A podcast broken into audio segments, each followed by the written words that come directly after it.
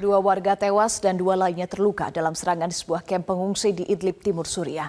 Menurut kelompok pertahanan sipil Suriah, serangan tersebut dilakukan oleh pemerintah Suriah.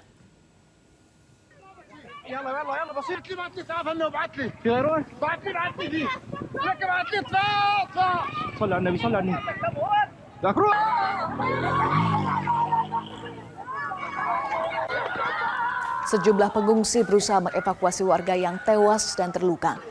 Sebagian bangunan juga tampak masih terbakar akibat serangan tersebut. Menurut kelompok oposisi, pasukan pemerintah Suriah melancarkan serangan roket yang menargetkan sebuah kamp di pinggiran kota Sarmin di pedesaan timur Idlib pada Sabtu malam waktu setempat.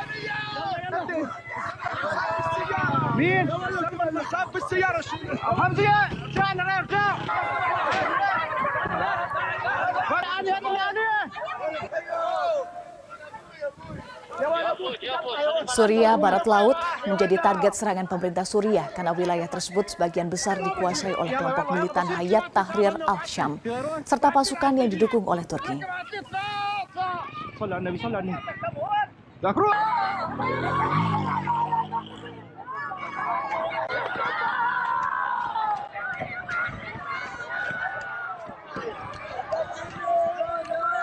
Jelajahi cara baru mendapatkan informasi. Download Metro TV Extend sekarang.